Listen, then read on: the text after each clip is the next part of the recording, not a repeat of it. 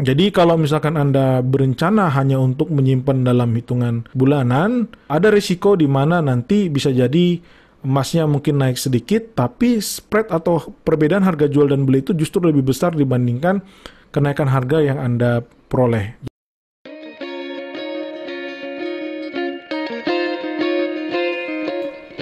Halo para penonton setia Tagar TV, terima kasih untuk selalu bersama dengan kami.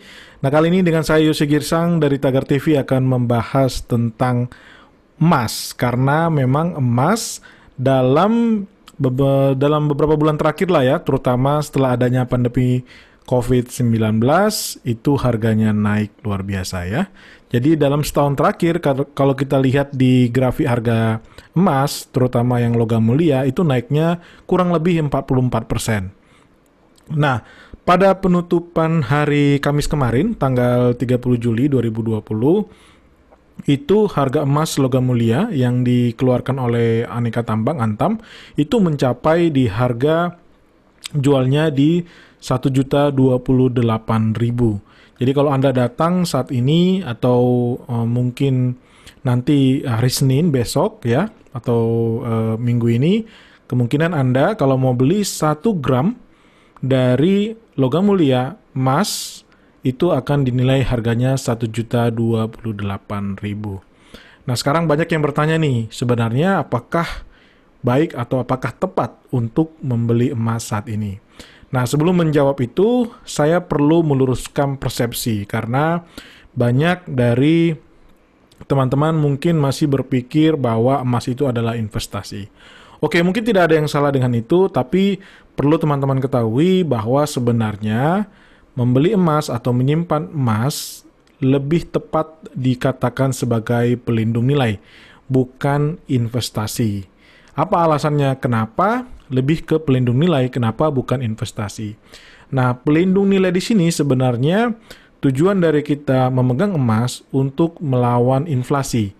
Jadi kita ketahui setiap tahun itu nilai uang yang kita pegang, misalkan rupiah, sebenarnya itu berkurang dari tahun ke tahun. Simpelnya begini, kalau eh, saat ini 100 ribu kita bisa membeli eh, sepatu misalkan gitu ya, Nanti dengan 100 ribu ini tidak bisa lagi kita belikan sepatu di tahun depan karena mungkin harga sepatu sudah menjadi 110 ribu. Jadi ada penurunan nilai dari rupiah sebesar kurang lebih 10% atau 10 ribu.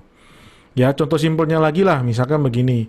Kalau misalkan 10 tahun yang lalu, satu karung beras itu sebanyak 100 kg itu dihargai 350 ribu ya 100 kg uh, atau satu karung beras. Nah itu setara pada waktu itu satu gram emas logam mulia juga 350 ribu. Artinya 100 kg beras itu setara dengan satu gram emas logam mulia. Nah saat ini ya dengan 100 kg emas yang 100 kg beras yang sama itu uh, nilainya atau harganya di uh, rupiah itu sudah 900 ribu. Jadi, nah kalau kita bandingkan dengan logam mulia ya logam mulia juga saat ini harganya kurang lebih 900 ribu sampai 1 juta. Artinya dulu 10 tahun yang lalu 100 kg emas bisa kita tukar dengan 1 gram logam mulia. Nah sekarang juga 1 gram logam mulia kita bisa tukarkan dengan 100 kg beras atau 1 karung beras. Nah itulah kenapa kita katakan bahwa logam mulia atau kalau kita memegang emas emas batangan ya dalam hal ini ya itu bisa melindungi nilai. Kenapa saya tidak terlalu menyarankan untuk uh, emas perhiasan? Karena emas perhiasan itu uh, model itu ada ongkos produksi dan model itu berubah gitu. Jadi bisa jadi kalau Anda beli uh, sekarang kemudian Anda jual mungkin lima tahun lagi modelnya sudah tidak tren lagi. Nah, pada waktu Anda jual itu uh, harganya akan turun lebih signifikan dibandingkan kalau Anda beli logam mulia. Yang belum tahu logam mulia itu bentuknya eh, kotak-kotak seperti itu. Nanti akan saya tunjukkan gambarnya di sini ya. Akan ada di depan ini nanti.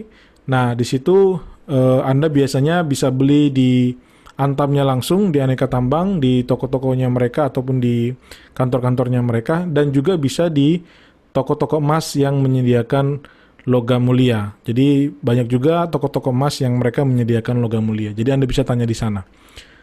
Nah, selain untuk melindungi inflasi, sebenarnya kita juga melindungi memegang emas itu untuk melindungi dari pelemahan nilai tukar mata uang rupiah terhadap dolar Amerika Serikat. Kenapa? Karena sepanjang kita memegang emas, emas itu ditradingkan atau diperjualbelikan juga di pasar emas, ya.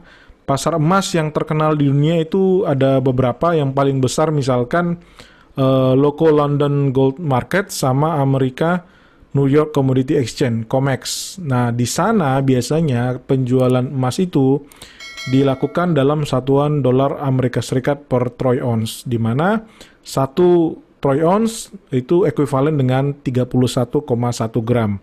Sedangkan ya satu dolar itu disesuaikan dengan exchange yang ada uh, pada saat ini, misalkan sekitar 14.400.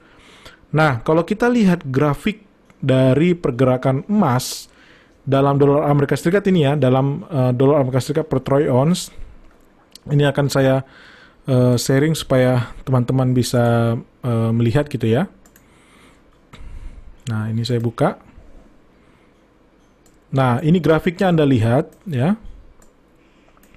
Kalau Anda lihat di sini dari tahun eh, 10 tahun terakhir, ini adalah pergerakan harga emas dari tahun 2010 2010 sampai 2020 pertengahan ya. Ini 2010 pertengahan sampai 2020 pertengahan. Ya, sekarang bulan Juli mau masuk Agustus.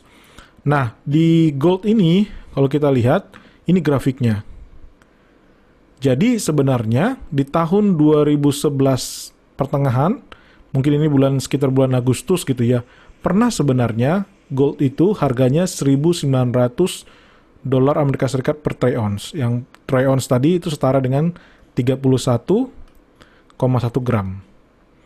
Jadi harga sekarang ya itu sekitar uh, minggu lalu ditutup di 1900 74 itu sebenarnya kurang lebih sama dengan harga di tahun 2011 Agustus yang lalu. Jadi hampir kurang lebih 9 tahun, kurang lebih harganya sama. Artinya kalau ada orang di Amerika Serikat ya terutama dia beli uh, gold atau logam mulia tentunya yang dikeluarkan oleh uh, logam mulia di di sana di Amerika Serikat maka dia menyimpannya dalam kurang lebih 9 tahun itu tidak bergerak ke mana-mana harganya. Lah terus orang bingung loh, buktinya logam mulia di Indonesia kok naik harganya Pak Yosi gitu ya. Nanti akan kita jelaskan itu lebih kepada memang pelemahan dari rupiah sebenarnya. Itu makanya saya bilang tadi kita memegang emas di Indonesia selain melawan inflasi itu juga untuk melindungi dari uh, pelemahan rupiah terhadap dolar Amerika Serikat. Artinya orang yang memegang dolar Amerika Serikat kurang lebih menikmati bukan menikmati kurang lebih terlindungi dengan uh, pelemahan dari nilai tukar rupiah itu sendiri. Namun orang kalau dia tinggal di Amerika Serikat dia beli dalam dolar ya sebenarnya nggak ke mana-mana bahkan sempat turun ini di bawah 1100 di tahun 2016. Jadi kalau ada orang beli emas di Amerika Serikat atau dalam dolar Amerika Serikat tahun 2012 dia beli di harga sekitar 1800 sampai 1850 dia pegang itu tidak ke mana-mana bahkan turun. Jadi asetnya seperti seolah-olah menyusut gitu. Padahal kita ketahui emas itu sendiri, eh, padahal kita ketahui di Amerika Serikat sendiri ada inflasi sekitar 1 sampai 2 persen dalam 10 tahun terakhir. Nah sekarang kita lihat harga dari eh, emas dalam rupiah. Nah kenapa grafiknya berbeda dengan tadi yang dalam US dollar? Karena ada pelemahan dari nilai tukar rupiah gitu. Ya, kalau Anda lihat grafik dari nilai tukar rupiah terhadap uh, dolar, kita ketahui uh, kurang lebih tahun 2015 itu masih sekitar uh, eh, 9.000 ya, seingat saya mungkin Anda bisa cek langsung nanti. Nah, sekarang di harga 14 4.000 bahkan kemarin sempat di harga 16.000 ya ketika masa awal-awal pandemi itu gitu. Nah, di sini sebenarnya jadi orang memegang uh, emas di Indonesia, saya ulangi lagi, ya untuk melindungi inflasi dan juga untuk melindungi inflasi dan juga untuk uh, melindungi dari pelemahan nilai tukar rupiah terhadap dolar Amerika Serikat ya. Nah, sekarang menjawab pertanyaan yang ditunggu-tunggu. Jadi apa pendapat saya? Ya, apa pendapat saya mengenai kalau kita membeli uh, emas saat ini logam mulia terutamanya di harga satu juta. Nah, yang pertama, yang pertama dulu nih. Jika Anda membeli saat ini di harga satu juta dan Anda mengharapkan keuntungan dari jual beli emas ini dalam jangka pendek, misalkan hitungan bulanan, nah ini yang perlu Anda pahami bahwa e, menurut saya harga emas yang sudah naik dalam satu tahun terakhir sekitar 44 persen itu sudah merefleksikan kekhawatiran akan adanya resesi ekonomi. Dan e, kondisi ekonomi sendiri sudah banyak dibahas juga dengan beberapa pakar ekonomi, bahkan e, Menteri Keuangan mengatakan kemungkinan e, ekonomi kita uh, eh, GDP-nya paling turun itu di kuartal 2 kemarin. Jadi sudah kita, kita sudah kita lewati. Walaupun mungkin recover sampai uh, diperkirakan akan recover baru tahun depan, tapi titik bawahnya itu kemungkinan di kuartal kedua kemarin. Jadi kalau kita mungkin mengharapkan harga emas lebih tinggi lagi, mungkin iya, tapi tidak akan istilahnya mungkin kali dua, jadi langsung 88% lagi gitu. Nah, dan yang perlu Anda ketahui juga, kalau Anda membeli emas logam mulia, yang tadi emas batangan itu, itu ada perbedaan atau spread antara harga jual dan harga beli. Jadi misalkan kalau Anda misalkan minggu ini datang ke Antam membeli di harga 1 juta 28 ribu, kemudian hari berikutnya Anda jual, ya, logam mulia yang Anda beli 1 gram 1 juta 28 ribu, itu tidak akan dihargai 1 juta lagi. Itu nilainya akan turun sekitar 5 sampai 10 persen. Ya jadi bisa jadi anda jual ya sekitar 900 ribuan gitu. Nah ini yang disebut dengan spread atau perbedaan harga jual dan harga beli. Makanya saya pernah juga membahas itu ya itulah aturan main dalam transaksi emas logam mulia. Ya kenapa para pedagang mau berbisnis di uh, toko emas ya mereka memperoleh keuntungan dari uh, perbedaan harga jual dan beli tersebut gitu. Jadi kalau misalkan Anda berencana hanya untuk menyimpan dalam hitungan bulanan, eh, ada risiko di mana nanti bisa jadi emasnya mungkin naik sedikit, tapi spread atau perbedaan harga jual dan beli itu justru lebih besar dibandingkan kenaikan harga yang Anda peroleh. Jadi saya pribadi, eh, saya kurang kurang suka yang namanya spekulasi, jadi saya tidak menyarankan kalau Anda mau berspekulasi hanya dalam jangka pendek. Nah, bagaimana kalau misalnya kita memang mau beli sekarang dalam uh, tujuan untuk menghimpun kurang lebih 5 sampai 10 tahun.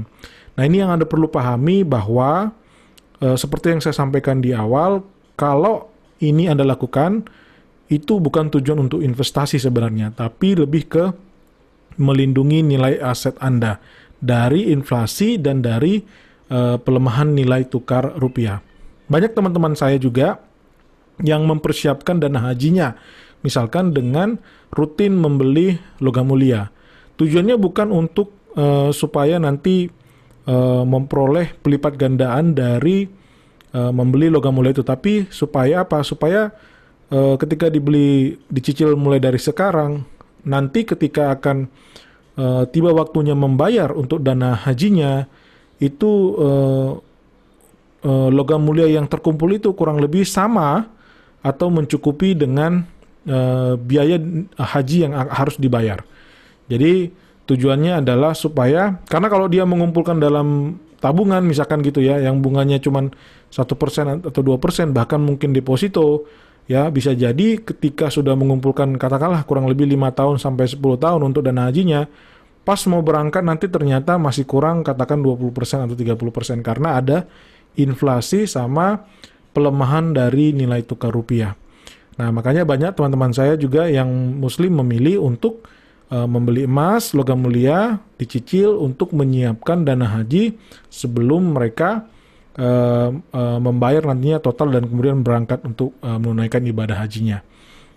Nah, di situ yang perlu Anda pahami, jadi bukan kalaupun nanti Anda mau membeli untuk 5 sampai 10 tahun, mindset kita adalah bukan untuk investasi karena investasi itu adalah menumbuhkan nilai aset Anda, bahkan bisa lebih dari inflasi dan juga uh, bahkan lebih dari pelemahan nilai tukar itu sendiri.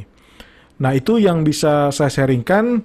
Semoga sharing ini bermanfaat menyikapi dari apakah saat ini kita tepat membeli uh, emas logam mulia di harga 1 juta. Terima kasih untuk tetap setia bersama dengan Tagar TV. Saya mohon pamit, Yosi Girsang. Salam investasi, yo yo yo.